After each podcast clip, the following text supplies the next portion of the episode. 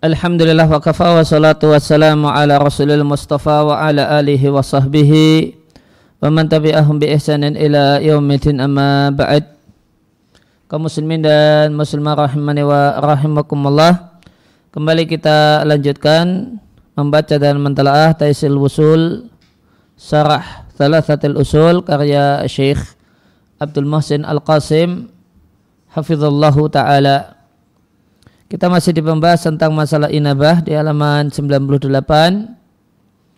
Wal inabatu dan inabah kepada Allah adalah da'abul anbiya'i wal mursalin, kebiasaan dan tradisi para nabi dan rasul alaihi wassalatu wassalam. Allah Subhanahu berfirman tentang Nabi Dawud alaihi salam, "Wa dhanna Dawudu annama fatannahu" Maka Dawud pun yakin bahasanya kami hanyalah mengujinya. Fastarfara maka Dawud memohon ampunan kepada Rabbnya Wakhara dan dia tersungkur raki'an dalam keadaan rukuk wa anab dan dia inabah. Allah berfirman tentang Sulaiman alaihi salam dan sungguh kami telah menguji Sulaiman dan kami letakkan ala kursihi pada kursi Sulaiman jasad dan jasad. Satu raka thumma anab kemudian Sulaiman inabah.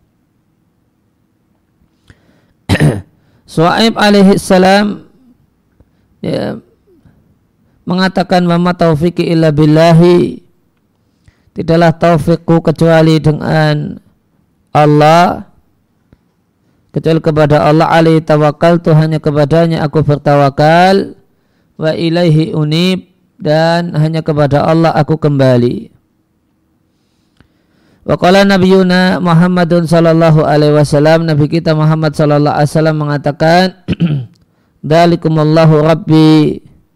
Demikian itu adalah itu adalah Allah Rabbku alaihi tawakkaltu hanya kepadanya aku bertawakal wa ilaihi unib dan hanya kepadanya aku kembali dan Allah menyanjung khalilnya Ibrahim alaihi salam karena memiliki sifat inabah ilahi kepada Allah dan kembali kepada Allah fi kulli amri dalam segala perkara. Allah Subhanahu wa taala berfirman, "Inna Ibrahim maksudnya Ibrahim adalah zat yang lembut, awahun. Munib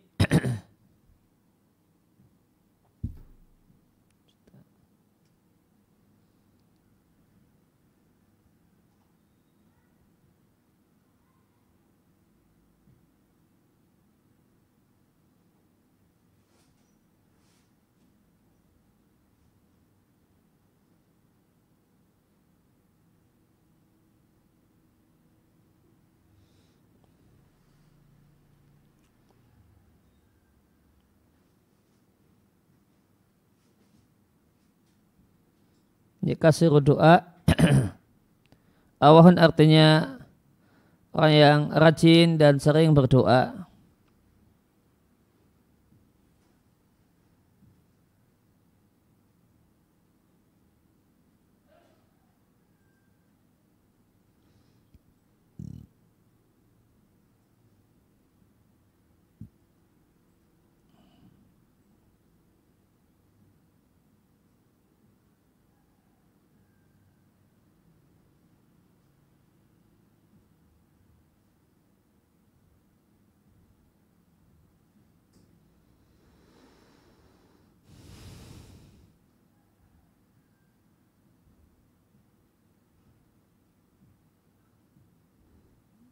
Nah, kalau Mujahid mengatakan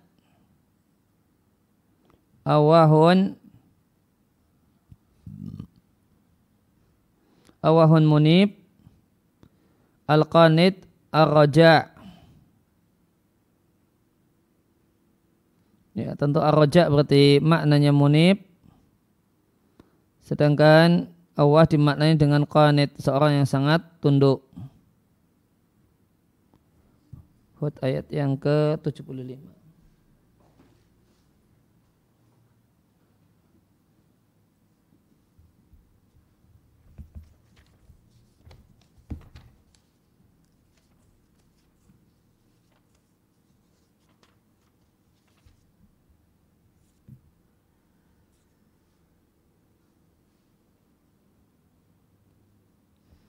Ya, kalau di Al-Muqtasar fit Tafsir Inna Ibrahim halimun halimun yaji yuhibbu ta'khiral ukubati menyukai untuk menunda penghukuman. Kemudian awah dimaknai dengan kathiru tadarru'i ila rabbihi kathiru tu'ai. Banyak merendah kepada Allah dan rajin berdoa. Kemudian awak munib ta'ibun ilaihi bertobat kepada Allah. Ya, maka kalau al-mukhtasar fi tafsir awah dimaknai dengan dua makna. Yang pertama kathiru tadarru' banyak merendah kan kathiru doa rajin berdoa.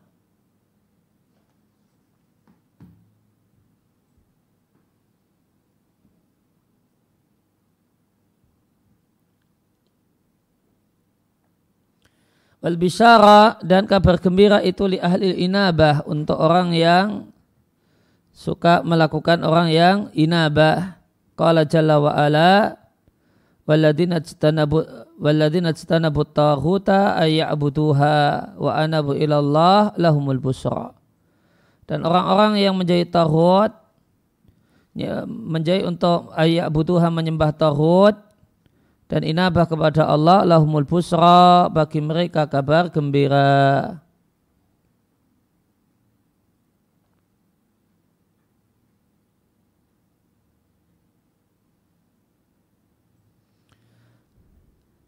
Walayak tabir bil ayat, walayak tabir bil ayat tidak tidaklah mengambil pelajaran dari berbagai ayat dan tidaklah mendapatkan nasihat bil ibari dengan berbagai macam ibrah atau nasihat atau ibrah pelajaran kecuali orang yang munib kepada Allah. Qala jalla wa qala azza wa jalla tabsiratan wa dzikra likulli abdin munib. Dzikra pelajaran tabsiratan yeah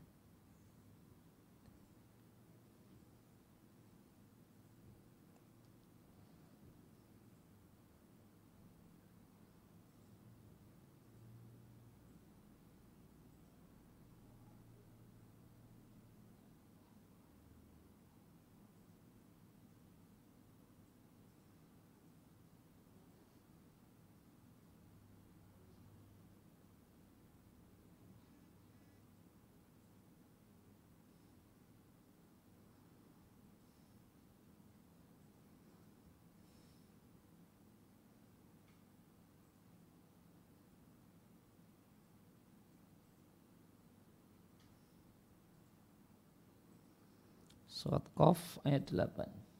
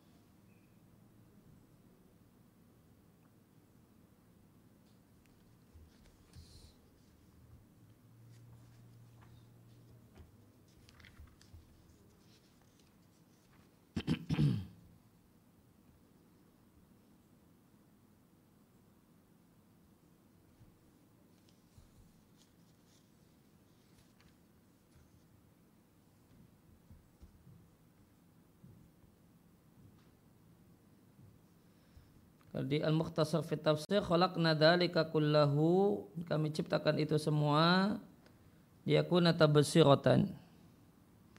Supaya tabsirah ya, mencerahkan kalian.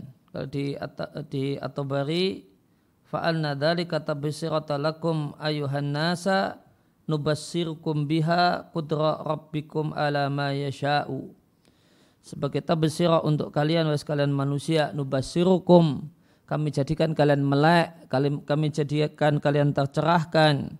Pihak dengannya kalian melek dan tercerahkan tentang kudrata rabbikum kemahakuasaan Rabb kalian. Ala untuk menciptakan apa saja yang dia kehendaki.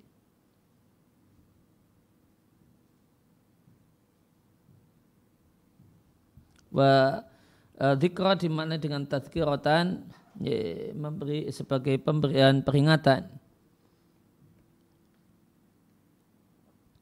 Ibnu Qayyim rahimallahu taala mengatakan Seorang hamba jika dia inabah kepada Allah, absara dia bisa melihat mewaki al ayat, titik-titik yang bisa diambil sebagai ayat, tanda ke keesaan dan kekuasaan Allah, wal ibar, dan titik-titik tempat untuk mengambil pelajaran. Fastadalla biha, lantas hamba yang munib tersebut bisa berdalil biha dengannya dengan mawaki ayat wal ibar alamahya ayatun lahu berdalil tentang mahia apa yang menjadi ayatun lahu ayatun lahu itu berarti kalau misalnya ini ayat yang menunjukkan keesaan Allah subhanahu wa ta'ala maka akan dari titik-titik tersebut dia akan tahu dan faham keesaan Allah Ya, maka ini ayat tentang kemahakuasaan Allah Subhanahu wa taala. Ketika seorang itu tahu titik-titik yang merupakan ya, di situ di ya, ditangkap kemahakuasaan Allah Subhanahu wa taala setelah titiknya faham maka dia akan faham dan mengerti tentang kemahakuasaan Allah Subhanahu wa taala. Maka supaya orang itu bisa mengambil pelajaran dari ayat, dari berbagai macam tanda yang Allah berikan, maka dia harus ngerti titik-titiknya dulu. Ya, setelah titiknya tertangkap, baru maksud dari ayat itu tertangkap. Misalnya maksud dari ayat keesaan Allah, maksud dari ayat ya, betapa beril, uh, hebat ilmunya Allah, maksud dari ayat betapa maha kuasanya Allah Subhanahu wa taala.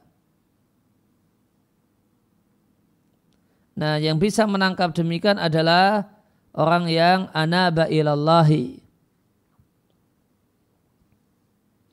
Wal inabatu dan inabah kepada Allah itu faktor penghalang untuk mendapatkan azab Allah. Firman Allah Azza wa Jalla, Anibu ila rabbikum inabalah kalian pada Rabb kalian, pasrahlah kepadanya sebelum datang kepada kalian azab. Thumma tungsorun, kemudian kalian tidak akan ditolong. Dan surga u'idat disiapkan nuzulan sebagai hidangan untuk hati yang khusyuk al-munib. Qala jalla azza wa jalla wa uslifatil jannah dan surga didekatkan lil muttaqina bagi orang-orang yang bertakwa ghaira ba'id sehingga tidak jauh. Hada ma tu'aduna inilah yang dijanjikan kepada kalian likulli awabin hafidh. Setiap orang yang rajin bertobat, hafidhin lagi menjaga diri. Man khasya ar-Rahmana bil ghaib, yaitu orang yang merasa takut kepada Allah ar-Rahman bil ghaib padahal dia tidak melihat Allah. Wajah biqalbim munib dan dia datang menghadap Allah dengan hati yang munib, hati yang penuh inabah.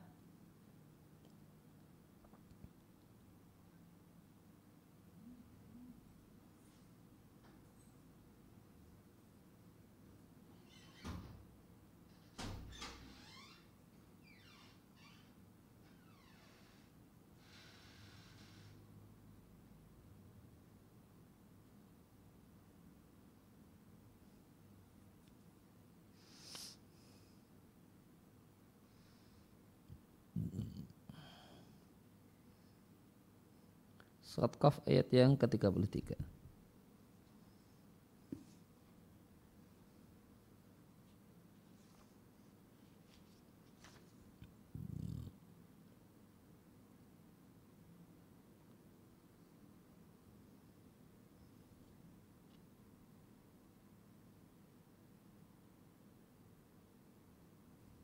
tentang makna menjaga wa lahum di ayat yang ke-32 dikatakan pada mereka inilah yang dijanjikan oleh Allah kepada kalian likulli raja'in. Bagi setiap orang yang eh, gemar untuk kembali kepada Rabbnya dengan bertaubat hafidin lima alzamahu rabbuhu bihi. Jadi adalah seorang yang menjaga apa yang Allah wajibkan pada dirinya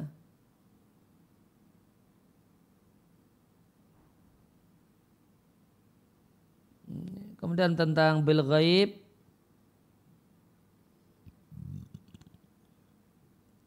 Man khasyi'a rahmana orang yang takut kepada Allah ar-Rahman bil ghaib.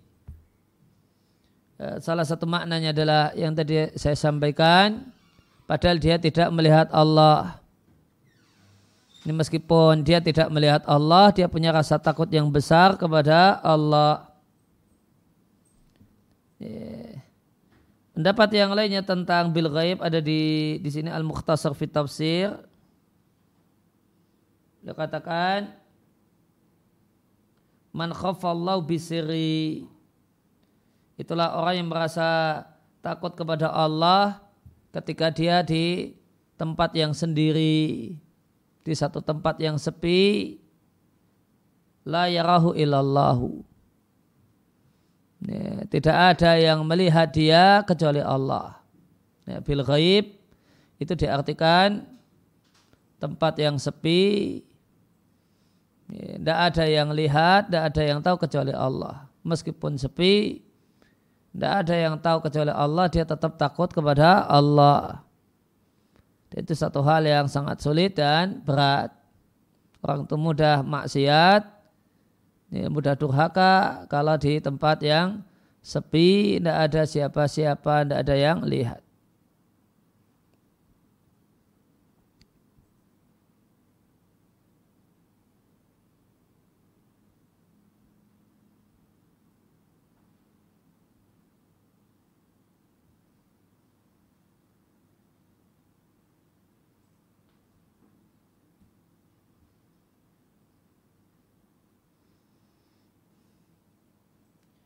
Wajah biqalbin munib dan dia datang kepada Allah walaqi Allah biqalbin salimin dan menghadap Allah dengan hati yang bersih, yang perhatian kepada Allah, yang banyak kembali dan rajin untuk kembali ilahi kepada Allah.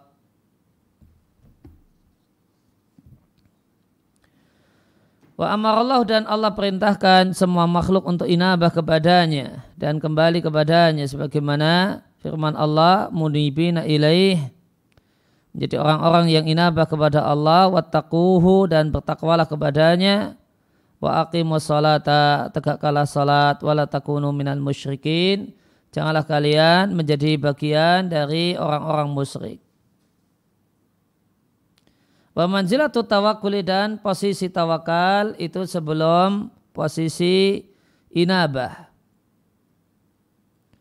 di anau ya tawakal karena seorang itu tawakal kepada Allah untuk mendapatkannya, untuk mendapatkan inabah. Maka tawakal adalah wasilah dan inabah adalah tujuan. Inabah adalah di antara sebab ya, kebahagiaan seorang hamba fidarain di dunia dan di akhirat. Syekhul Islam rahimahullah ta'ala mengatakan Al-abdu innama khuliqa ibadati rabbih. Hamba itu tercipta untuk beribadah kepada Rabbnya maka kebaikan hamba, kesempurnaan, kelezatan, kegembiraan dan senangnya hamba fi Buddha rabbahu. Manakala dia menyembah Rabbnya wa yunibu ilaihi. Dan inabah dan kembali kepadanya. Dan dikarenakan inabah itu adalah kedudukan yang tinggi di sisi Allah maka setan berupaya untuk menghalangi hamba anha dari inabah. Kalau Syekhul Islam rahimallahu asyaitanu yakthur ta'arudu lil abdi setan itu sangat sering menghalangi seorang hamba idza aradal inabata ila rabbih jika hamba tersebut ingin inabah kepada Allah watakaruba ilaihi dan mendekat kepada Allah dan terhubung dengan Allah. Dan inabah adalah ibadah yang para hamba itu bertingkat-tingkat di dalamnya. Ibnu Al-Qayyim rahimallahu taala mengatakan dan manusia dalam inabah itu ala darajatin mutafawitatin pada derajat yang berbeda-beda. Maka ada yang munib, ada yang inabah kepada Allah, eh, biruju ilai dengan kembali kepada Allah dari pelanggaran dan maksiat. Waminum di antara mereka ada yang munib ilaihi kembali kepada Allah dengan masuk ke dalam berbagai macam ibadah wal kurbat dan amal-amal yang mendekatkan. Yang ketiga ada yang munib kembali kepada Allah dengan merendah, berdoa, merasa memerlukan Allah, rohbah, ya, keinginan atau harapan plus usaha, wasu'alil hajat, kulliha, dan meminta hajat seluruhnya minhu kepada Allah. Dan fitrah itu menunjukkan pada inabah. Syekhul Islam rahimahullah ta'ala mengatakan, Al-fitratu tatadammanu al-iqrar billahi wal inabata ilaihi. Fitrah itu tatadamman mengandung dan memuat al-iqrar pengakuan kepada Allah pengakuan tentang Allah wal inabata ilaihi dan kembali kepada Allah.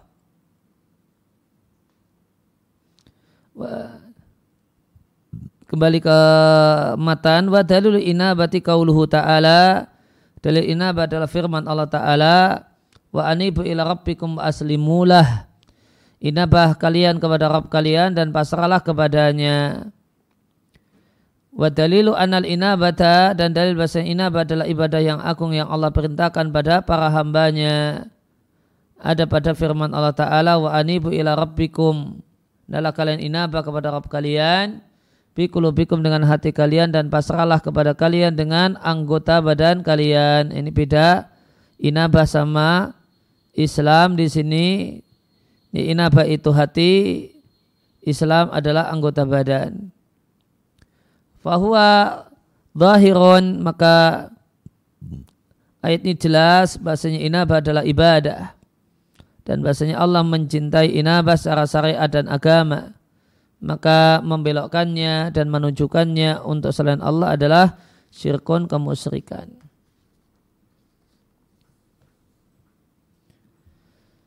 Ya, kemudian kita masuk pembahasan tentang isti'anah. Qala al-musannif rahimallahu taala wa dalilul isti'anati qauluhu taala dalil isti'anah adalah firman Allah taala Iyyaka na'budu wa iyyaka nasta'in. Ya Allah hanya kepadamu kami menyembah dan hanya padamu kami minta tolong. Wa fil hadis dalam hadis idza sta'anta fasta'in billahi. Jika engkau minta tolong maka mintalah tolong kepada Allah. Nanti setelah pembahasan isti'anah maka akan berlanjut dengan pembahasan isti'adah meminta perlindungan ya sebenarnya apa beda isti'anah dengan isti'adah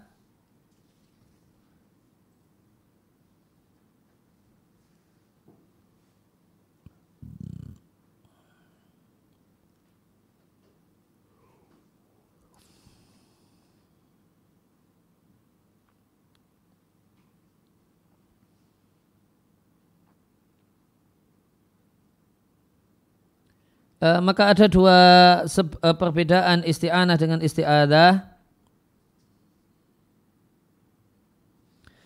Beda yang pertama, al tu al-iltija'u wa tahayyuzu. Faya nau'un min anwa'i du'ai. Isti'adah memohon perlindungan itu adalah berlindung ya, ya, artinya dia adalah salah satu bentuk doa Wa amal isti'anah atau adapun isti'anah faya athiqatu billahi ta'ala wal i'timadu alaihi.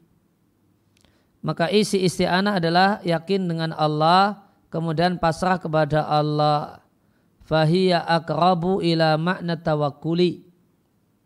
Maka isti'anah itu dekat dengan pengertian tawakal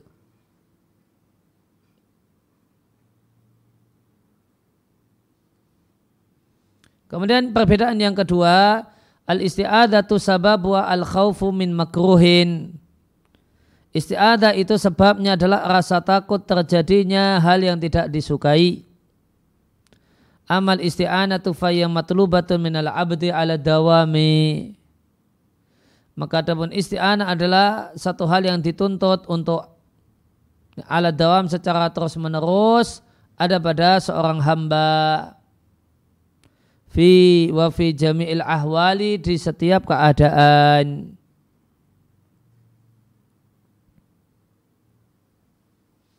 ya maka uh, kalau maka di sini disampaikan ya kutipan yang tadi saya bacakan isti'anah itu hendaknya ada pada hati seorang hamba dalam setiap keadaan.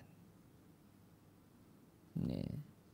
Matlubatun minal abdi ala dawam terus menerus menjadi keadaan seorang hamba. Maka uh, dan isti'anah sering kita terjemahkan dengan minta tolong. Sehingga kemudian di tertangkap seperti doa. Kesan yang tertangkap isti'anah itu doa. Padahal kalau berdasarkan dua poin perbedaan antara isti'anah dengan isti'adah, ternyata isti'anah itu bukan doa. Ya, tadi di poin yang pertama disampaikan fahya akrabu ila makna tawakkuli. Isti'anah itu lebih dekat ke tawakal, bukan ke doa. Kalau isti'adah ditegaskan, kalau isti'adah itu naun min anwa'id doai, salah satu bentuk doa, itu isti'adah. Kalau isti'anah itu ya, lebih dekat kepada tawakal karena isti'anah itu isinya dua yakin sama Allah, kemudian hati bersandar kepada Allah. Hmm.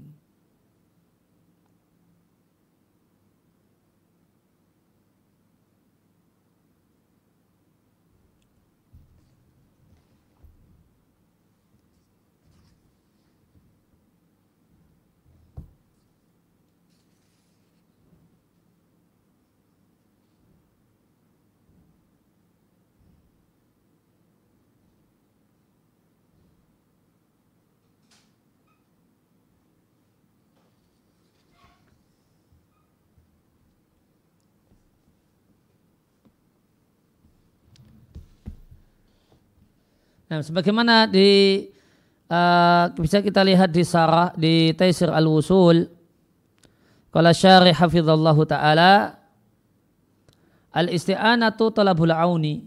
Isti'anah maknanya talabul aun, meminta bantuan. Wahia tajma'u. Dan dia mengumpulkan dua poin athiqatu billah wal i'timadu alaih yakin sama Allah dan bersandar kepadanya ma'akamalidzulilahu ditambah rasa hina yang sempurna kepada Allah. Ibnul Qayyim rahimallahu taala di Madarijus Salikin mengatakan isti'anah kepada Allah memuat tiga unsur.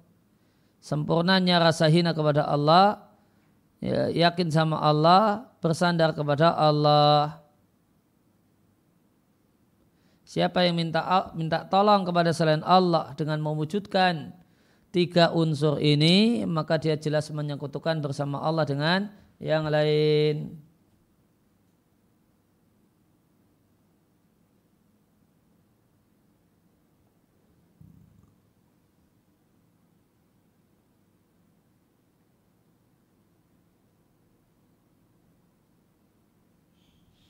Di kutipan yang lain dari Madarjus Salikin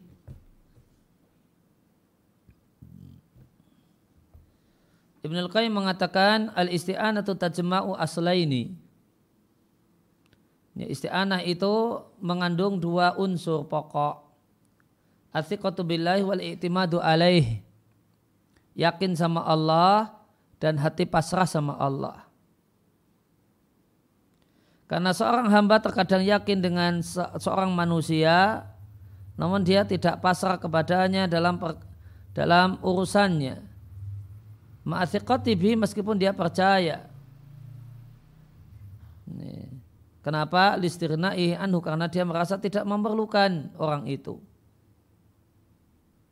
Dan terkadang seorang itu pasrah kepada seseorang ma'adami thiqati padahal dia tidak thiqah dengannya.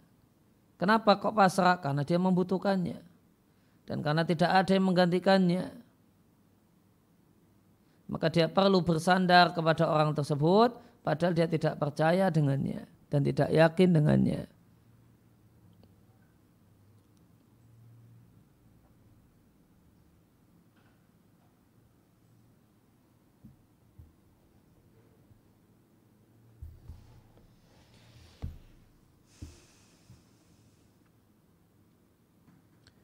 Nah, kemudian kembali ke Taisir al-Wusul.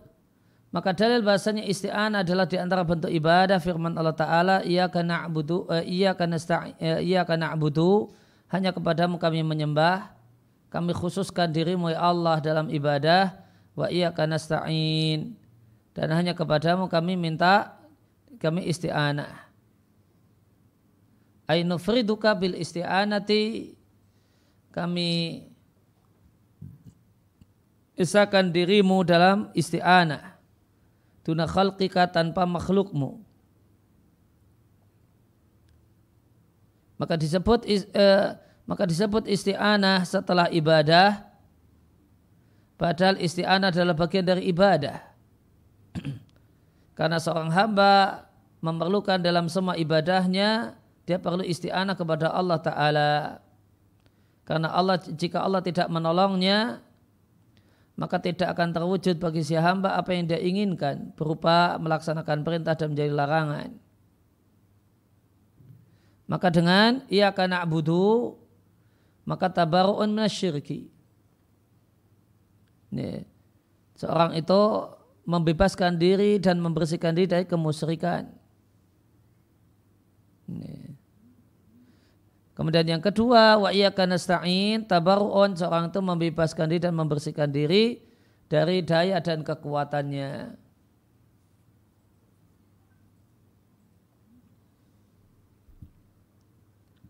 Ya, dengan bahasa yang lain, maka ia ia karena abudu itu obat ria, obat penyakit ria dan yang lainnya dan yang sejenis dengannya. Sedangkan wa iya nasta'in adalah obat penyakit ujub.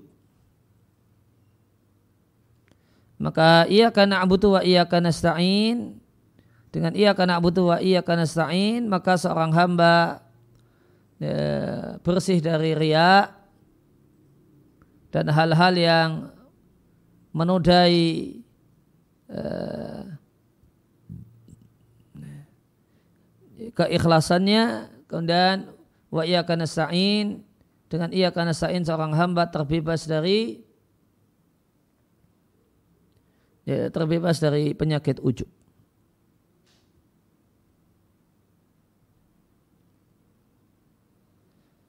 Ya. Wa madaruddin alal ibadati wal isti'anati. Poros agama adalah ibadah dan isti'anah. Al-qiyam bi ibadatillah melaksanakan ibadah kepada Allah dan isti'anah kepada Allah. Maka keduanya ibadah dan isti'anah adalah sarana untuk bahagia yang abadi dan selamat dari segala kejelekan. Tidak ada jalan untuk selamat kecuali dengan melaksanakan dua hal di atas. Syekhul Islam rahimahullah ta'ala mengatakan agama itu isinya adalah tidaklah disembah kecuali Allah dan tidaklah isti'anah kecuali kepada Allah. Ibadah adalah konsekuensi dari uluhiyah Allah, isti'anah adalah konsekuensi dari rububiyah Allah. Syekhul Islam Ibn Taimiyah rahimahullah taala mengatakan, ia akan budu itu isyaratin isyarat kepada ibadah kepada Allah. Ibadah kepada Allah bi maqtadatu ilahiyatuhu karena ini tuntutan konsekuensi dari uluhiyah.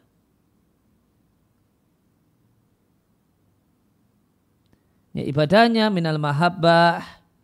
Bentuk ibadahnya adalah cinta, rasa takut, harapan, perintah dan larangan. Sedangkan ia karena stain adalah isyarat ila maqtadathu arububiyatu ya, ya, tuntutan rububiyah apa tuntutan rububiyah tawakal, pasrah dan pasrah. Yeah.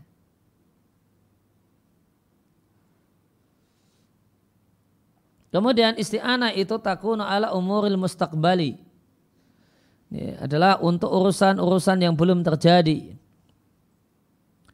Ya, Syarul Islam rahimahullah ta'ala mengatakan fa'inal isti'anah wa tawakkula isti'anah dan tawakul inama yata'alaku bil mustaqbal. Itu berkenaan dengan masa depan. Wa amma mawaqa adapun hal yang telah terjadi maka respon yang diberikan namanya sabar, pasrah dan ridho. Untuk sesuatu yang belum terjadi, maka sikap hati yang perlu dikondisikan adalah isti'anah dan tawakul. Kemudian isti'anah adalah ibadah yang agung dan di antara alat bantu untuk terwujudnya isti'anah adalah ucapan la haula wala quwata illa billah. Syekhul Islam rahimahullah taala mengatakan ucapan la haula wala quwata illa billah itu yujibul i'anata mewajibkan dan menyebabkan adanya pertolongan. Oleh karena itu Nabi Shallallahu Alaihi Wasallam mengajarkan jika muadzin mengatakan hayya ala salah maka orang yang mendengar dan menjawab jawab, uh, perkataan muadzin merespon dengan la haula wala quwata illa billah. Demikian dalam hadis yang mutafakun alaih. Wakala aidan Syekhul Islam juga mengatakan sebenarnya perkataan inilah haula wala quwata illa billah adalah kalimat untuk minta tolong. Bukan kalimat untuk ketika merespon musibah. Banyak orang mengucapkan la haula wala quwata illa billah ketika terjadi musibah. Maka la haula wala quwata illa billah diposisikan sebagai posisi istirja, posisi bacaan innalillahi wa inna ilaihi rajiun. Ditambah lagi yakuluha seorang itu mengucapkan la haula wala quwata illa billah jazaan dalam rangka berkeluh kesah dan bukan dalam rangka bersabar.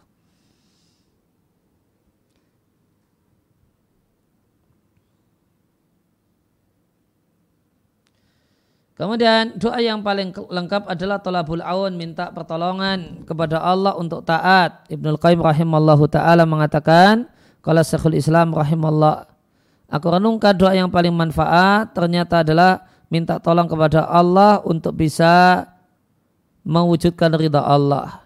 Kemudian aku lihat hal tersebut ada dalam suratul Fatihah itu pada ayat iyyaka na'budu wa iyyaka nasta'in. Dengan seorang itu isti'anah kepada Allah maka itu mencukupinya sehingga tidak memerlukan isti'anah kepada makhluk wa kamalu ghinal abdi karena tercukupinya seorang hamba secara sempurna manakala hamba ini bergantung kepada Rabbnya. Dan siapa yang meninggalkan isti'anah kepada Allah dan minta tolong kepada selain Allah, maka Allah akan pasrahkan dia kepada orang yang kepada makhluk yang dia minta tolong kepadanya. Fasara jadilah dia makhdulan tidak ditolong. Dan para nabi memerintahkan kaumnya untuk isti'anah kepada Allah semata. Sebagaimana firman Allah Subhanahu Kala Musa, Musa berkata kepada kaumnya ista'inu billahi wasbiru. Mintalah tolong kalian kepada Allah dan bersabarlah.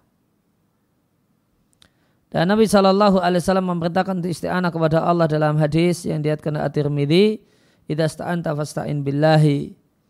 Jika engkau minta tolong, enggak tolonglah kepada Allah. Ibnu Daqiqil Aid rahimahullah mengatakan, Bikadri mayakun saksu ila ghairillahi berbanding lurus dengan uh, sesuai dengan kadar kecondongan seorang pada selain Allah.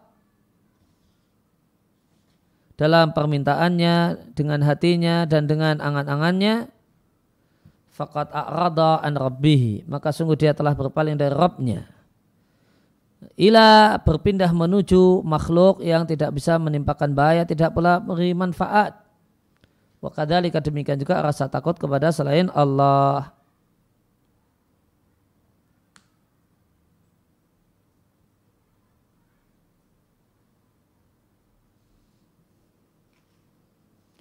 Jadi apa yang bisa kita simpulkan?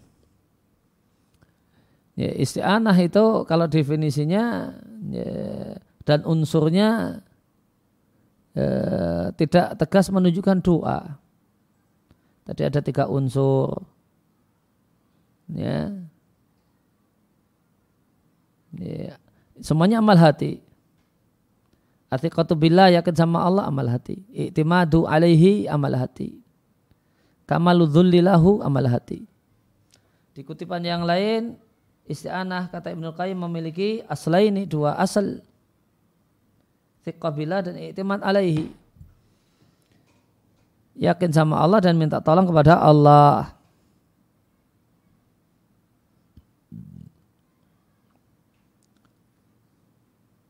Namun di sisi yang lain nah, isti'anah eh, itu jika bisa terwujudkan dalam doa.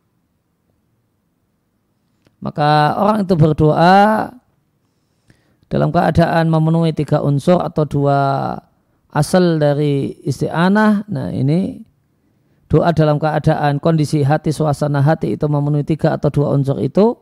Nah itu yang namanya isti'anah.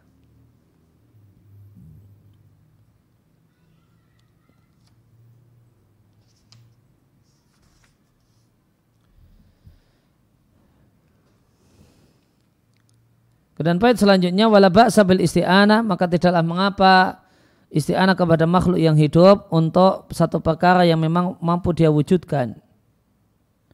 Fa'inkanat maka jika isti'anah tersebut dalam kebaikan dan kebaikan maka ini adalah ihsanun berbuat baik. Allah Subhanahu berfirman wa ta'awan 'alal birri wa taqwa. Adalah kalian tolong menolong dalam albir dan takwa. Wa kanat ala ismin, namun jika minta tolong itu dalam dosa, maka hukumnya haram. Karena Allah Jalla wa'ala berfirman, wala ta'awanu alal ismi wal udwan. Nah apa beda albir dan takwa? Apa beda al-ithm wal udwan? Ini. Kata-kata bir jika bergandeng dengan takwa, maka bir artinya menjalankan perintah dan takwa menjauhi larangan. Meskipun jika disebut bir saja artinya menjalankan perintah dan menjauhi larangan, dan jika disebut takwa saja maknanya menjalankan perintah dan menjauhi larangan. Dan jika digabung albir dan at-taqwa, maka bir itu menjalankan perintah dan takwa menjauhi larangan.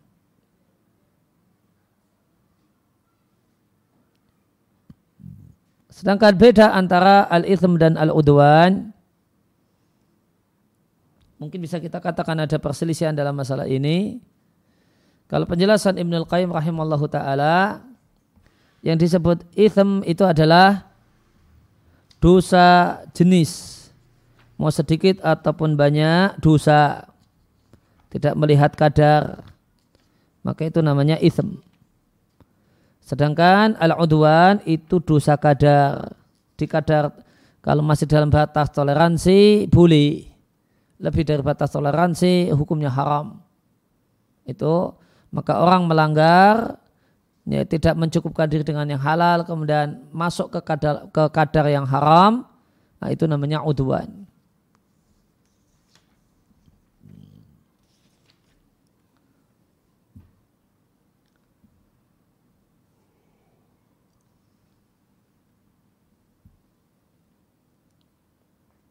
Tumbih untuk melakukan hal yang diperintahkan watar kimanuhitum anhu dan meninggalkan hal yang dilarang. Ya, maka bir itu menjalankan perintah, at-taqwa itu menjadi larangan.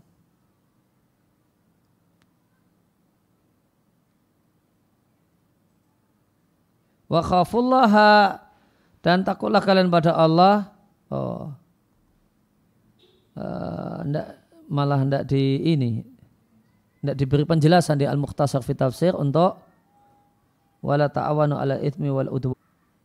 Karena lanjutannya setelah itu langsung wa khafullah bil tizami taati wal bu'di an maksiatihi.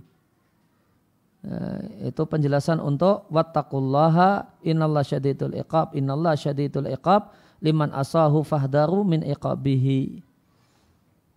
Maka dalam kadar tertentu boleh Kemudian lebih dari kadar itu yaitu sampai kekenyangan hukumnya haram.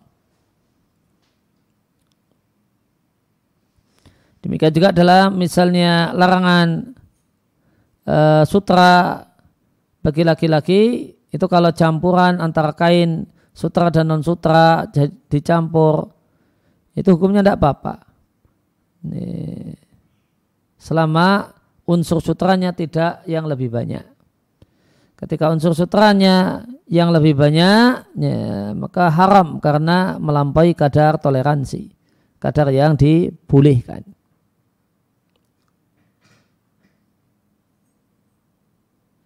Nah, kemudian uh, kembali ke Taisir al-Wusul.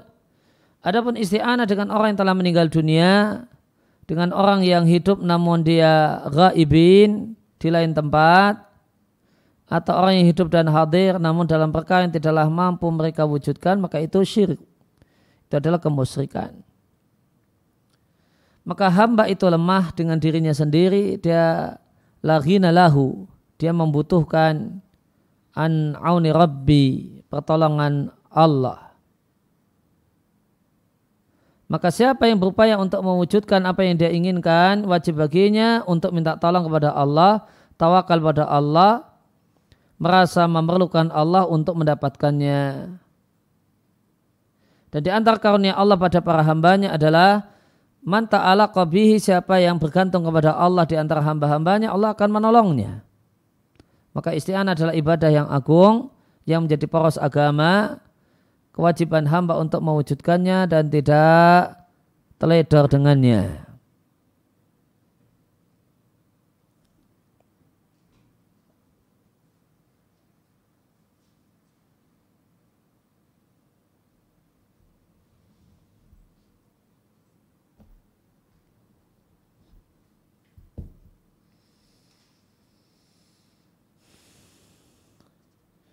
Ya, namun e, jika kita renungkan definisi e, isti'anah, ya, maka isti'anah yang sesuai dengan definisi itu tidak terbagi menjadi ya, tidak terbagi ya selayaknya itu adalah hak khusus Allah.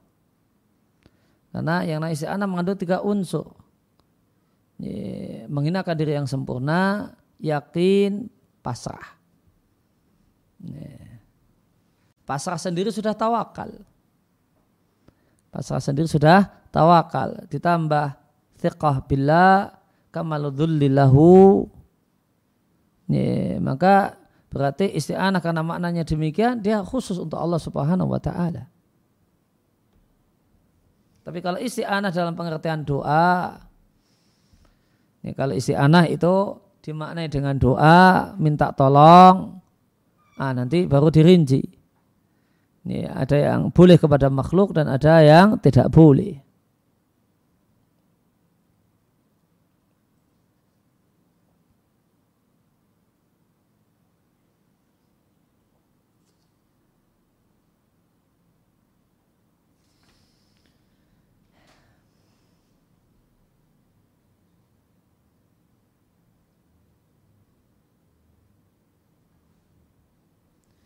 Kemudian uh, di kitab Musu'ah al uh, Musu'ah al-Aqidah disampaikan pembagian tentang isti'anah. Isti'anah dari sisi hukumnya terbagi menjadi tiga macam. Yang pertama isti'anah yang masyru'ah. Nah, isti'anah yang masyru'ah, isti'anah yang disyariatkan itu ada dua macam. Yang pertama adalah al-isti'anatu billahi. Isti'anah minta tolong kepada Allah. Kemudian yang kedua al-isti'anatu bil a'mali salihati. Isti'anah dengan amal saleh. Semacam wasta'inu bisabri wa salati. Tidaklah kalian minta tolong dengan sabar dan salat. Kemudian yang kedua adalah isti'anah al-mamnu'ah, isti'anah yang terlarang, yaitu isti'anah dalam pengertian minta tolong kepada selain Allah, miman pada orang yang tidak mampu mewujudkan pertolongan.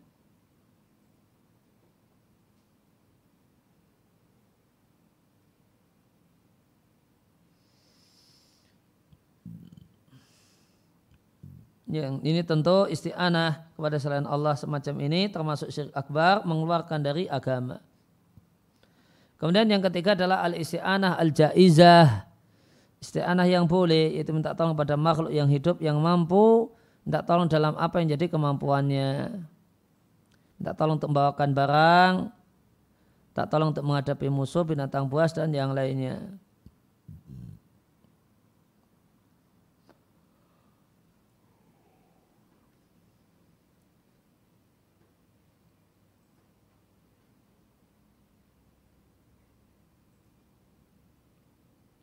Kemudian berkenaan dengan isti'anah kepada Allah di sini disampaikan di buku Masu'ah Al-Aqidah.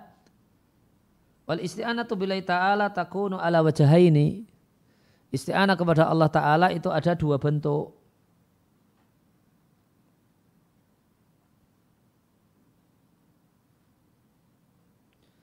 Yang pertama adalah ayat Allah Ta'ala min al min altafihi mayukawi dawaihi wa yusahila al-fi'la alihi.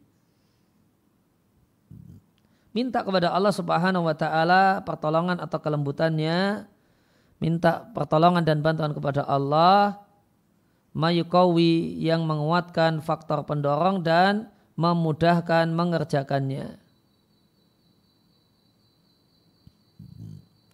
Maka jika Allah berbuat baik kepadanya dengan memberita, memberikannya ilmu. Bahasanya dalam perbuatan tersebut terdapat pahala yang besar maka akan bertambahlah semangat dan bertambahlah minatnya. Ya maka minta supaya diberi kemudahan untuk melakukan satu satu aktivitas dan satu amal. Itu isti'anah yang isti'anah kepada Allah yang pertama. Ya minta tolong agar diberi kemudahan untuk melakukan perbuatan. Kemudian yang kedua wal akharu ayat luba isti'anatihi baqa'a kaunihi qadiran ala ta'atihi ala ta'ati al mustaqbalah bi an tujaddidalahu al qudrata halan ba'da halin. Memi, uh, ayat luba meminta dengan isti'anahnya. Perhatikan kalimatnya meminta namun dengan isti'anahnya dengan isti'anah dia meminta kepada Allah agar tetap mampu taat kepada Allah di masa depan. Artinya agar Allah memperbarui kemampuannya halan ba'da halin dari satu keadaan ke keadaan berikutnya.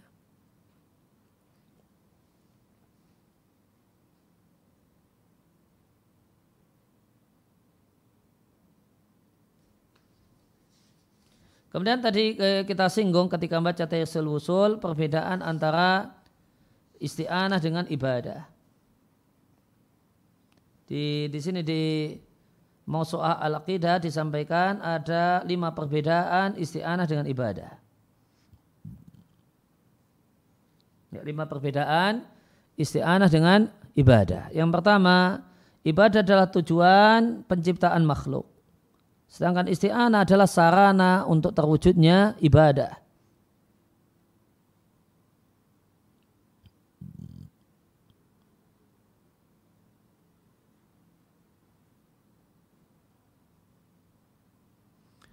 Kemudian yang kedua, ibadah yang sempurna pasti mengandung isti'anah. Namun tidak bisa dibalik. Maka setiap orang yang menyembah Allah dengan penghambaan yang sempurna, maka pasti dia isti'anah kepada Allah.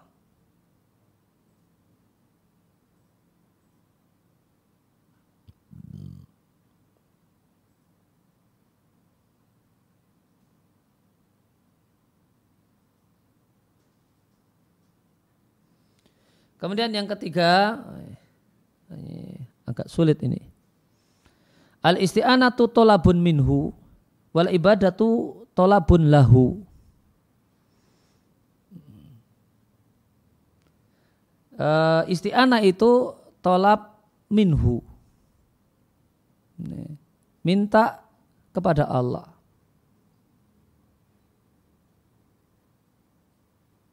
Minta kepada Allah tadi berdasarkan dua jenis isti'anah. Uh, maka minta agar diberi kemudahan untuk melakukan satu perbuatan dan minta agar tetap diberi kekuatan di diperbarui ketaatannya ya, eh, kemampuannya untuk melakukan ketaatan di masa depan.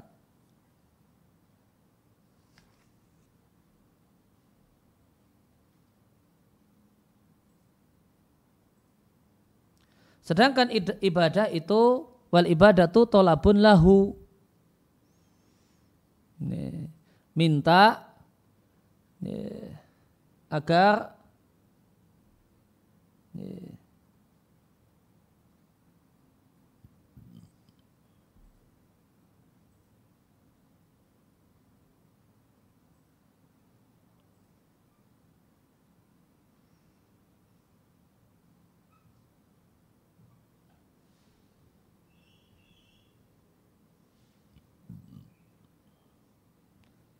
hunya kembali ke Allah semua ya. Jadi tolabun minhu minhu subhanahu wa ta'ala kemudian ibadah tolabun lahu.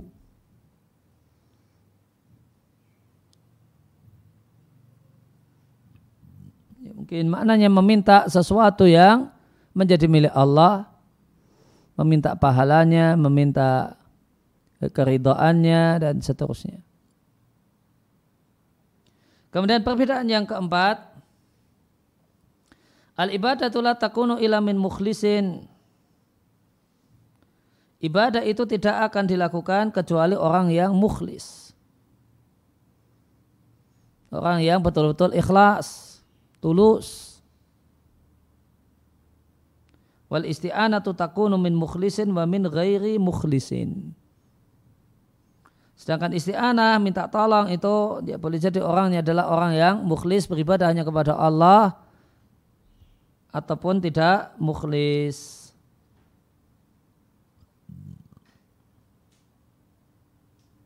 Kemudian perbedaan yang kelima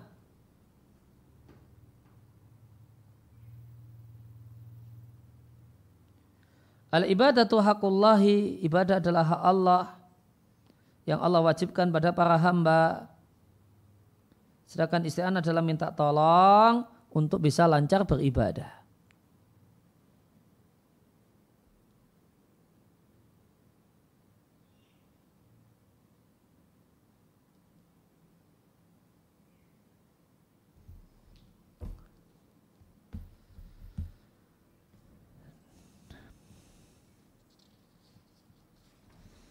Nah, kemudian kita kembali ke Taisil Wusul mas tentang al-isti'adah. Qala al-musannif rahimallahu taala wa dalilul isti'adati dalil isti'adah firman Allah taala Qul a'udzu birabbil falaq Katakanlah aku berlindung kepada Rabbnya waktu subuh. Demikian juga Qul katakanlah a'udzu birabbin nas Aku berlindung kepada Rabbnya manusia penjelasannya. Isti'adzah adalah al-iltija, berlindung, iktisam, berlindung, wataharus dan berlindung. Hakikat isti'adzah adalah lari kabur min syai'in takhafuhu dari sesuatu yang engkau takuti ila mendekati orang yang pihak yang bisa melindungimu dari gangguannya. Eh, maka istiadah kepada Allah adalah berlindung kepada Allah, itisam berlindung pada Allah, wa tiqadu kifayatihi meyakini kalau Allah akan mencukupi. Wa tamamu himayati dan sempurnanya perlindungan Allah min kulli syarin dari segala kejelekan. Dan istiadah adalah uh, salah satu ibadah yang Allah perintahkan pada para hambanya sebagaimana firman Allah taala wa imma yanzaghannaka minasyaitani nasghun ya, jika terdapat dari setan nasghun satu godaan mintalah perlindungan kepada Allah. Demikian juga firman Allah taala fa idza qara'tal qur'ana jika engkau membaca Al-Quran maka mintalah perlindungan kepada Allah minasyaitani rajim dari setan yang terkutuk. Di penulis Fatul Majid mengatakan para ulama sepakat tidak boleh istiadah minta perlindungan kepada selain Allah. Dan tidak ada asima, tidak ada pelindung menghilangkan kesusahan dan menghilangkan al-khutub siwa rabbil alamin kecuali Allah Subhanahu wa taala.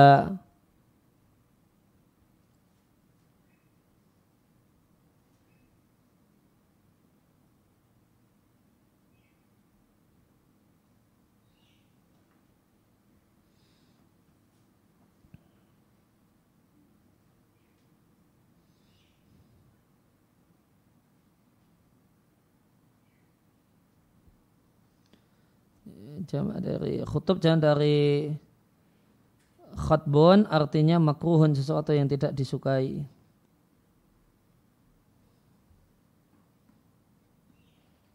Wal hayatu mali'atun bil afatil wal makarihi. Ya, inilah tabiat hidup yang wajib disadari agar orang bisa menikmati hidup di dunia. Adalah sadar al hayatu mali'atun bil afati wal makarihi. Dunia itu penuh. Bayangkan diksinya penuh. Bukan ada. Namun penuh. Apa penuhnya? Afat wal makari. Masalah dan hal yang menyusahkan. Orang itu cuma pindah-pindah masalah saja. Ya, pindah pindah problem. Ya, dari problem di rumah sama istrinya sama anaknya nanti pindah problem di ya, di kampungnya dengan tetangganya. Nanti problem dengan ketua takmir masjidnya atau kemudian jamaah masjid yang lain. Nanti pindah problem di tempat kerjanya sama bosnya sama atasannya sama teman kerjanya gitu.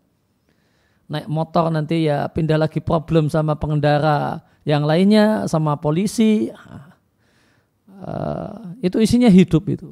Pindah-pindah problem.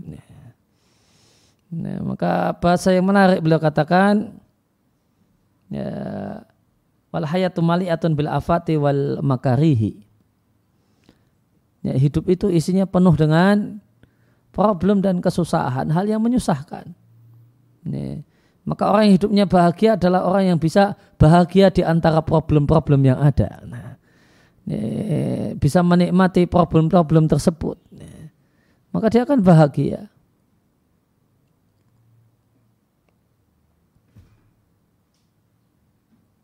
Walikuli makhlukin dan setiap makhluk memiliki musuh dari jin dan manusia dan musuh yang paling pokok wa ala dan yang paling pokok adalah iblis.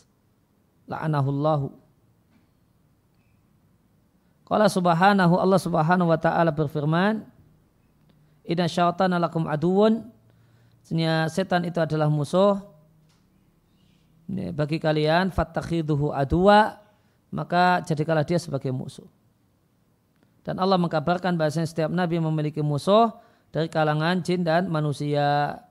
Allah Subhanahu berfirman, "Wa kadzalika ja'alna dan demikianlah kami jadikan bagi setiap nabi musuh setan manusia dan setan jin sebagiannya membisikkan pada yang lainnya.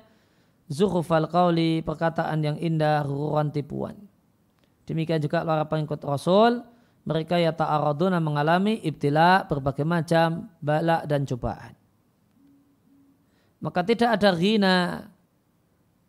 La ghina tidak tidak membutuhkan artinya membutuhkan di ayat makhluk yang maka semua makhluk membutuhkan al-ihtima perlindungan. Ya, perlindungan mincana billahi dari Allah, perlindungan dari himahu dari Allah, dari kejahatan manusia dan jin, dan dari kesusahan hidup dan problem hidup. Dan siapa yang meminta perlindungan pada Allah, maka dia fakat roma, maka dia menginginkan satu ibadah yang mulia yang Allah perintahkan, dalam fi aktsari min maudiin terjemah bebas untuk maudiin itu ayat. Aksar min maudiin lebih dari satu ayat. Sehingga cara menerjemahkan yang enak fi aktsari min maudiin min kitabihi terdapat dalam sejumlah ayat dalam Al-Quran. Maka Isti'adah adalah satu ibadah yang agung yang Allah perintahkan dalam sejumlah ayat dalam Al-Quran. Dalil bacaan isti'adah adalah di antara bentuk ibadah firman Allah Ta'ala. Kul, katakanlah wahai sang Nabi, muta'awidan dalam rangka minta perlindungan. Wal khitab aydan di jamil ummatihi. Dan suruhan ini juga ditujukan kepada seluruh umat Nabi. Aku berlindung, atasim aku berlindung, al-tajiu dan aku berlindung. Birabbi kepada Rabb dan pencipta al-falak yaitu waktu subuh. Demikian juga firman Allah, Kul a'udhu birabbi Katakanlah aku berlindung dengan Rabb dan pencipta anas manusia. Waqat kala Nabi Shallallahu Alaihi Wasallam dan Nabi Shallallahu Alaihi Wasallam mengatakan tentang Muawidhatain ya, kepada Uqbah ibn Amir radhiallahu anhu. Alam tar tidak kau melihat satu ayat yang diturunkan semalam yang belum terlihat semisal ayat tersebut sama sekali yaitu uh, Al-Falaq dan An-Nas. Rahu Muslim diatkan oleh Muslim. Demikian yang kita eh, baca sepatan sore hari ini. Wassalamualaikum ala nabiyina Muhammadin wa ala alihi washabihi wasallam. Wa rada'ana alhamdulillahi rabbil alamin. Subhanaka Allahumma wa bihamdika asyhadu an la ilaha illa anta astaghfiruka wa atubu ilaik.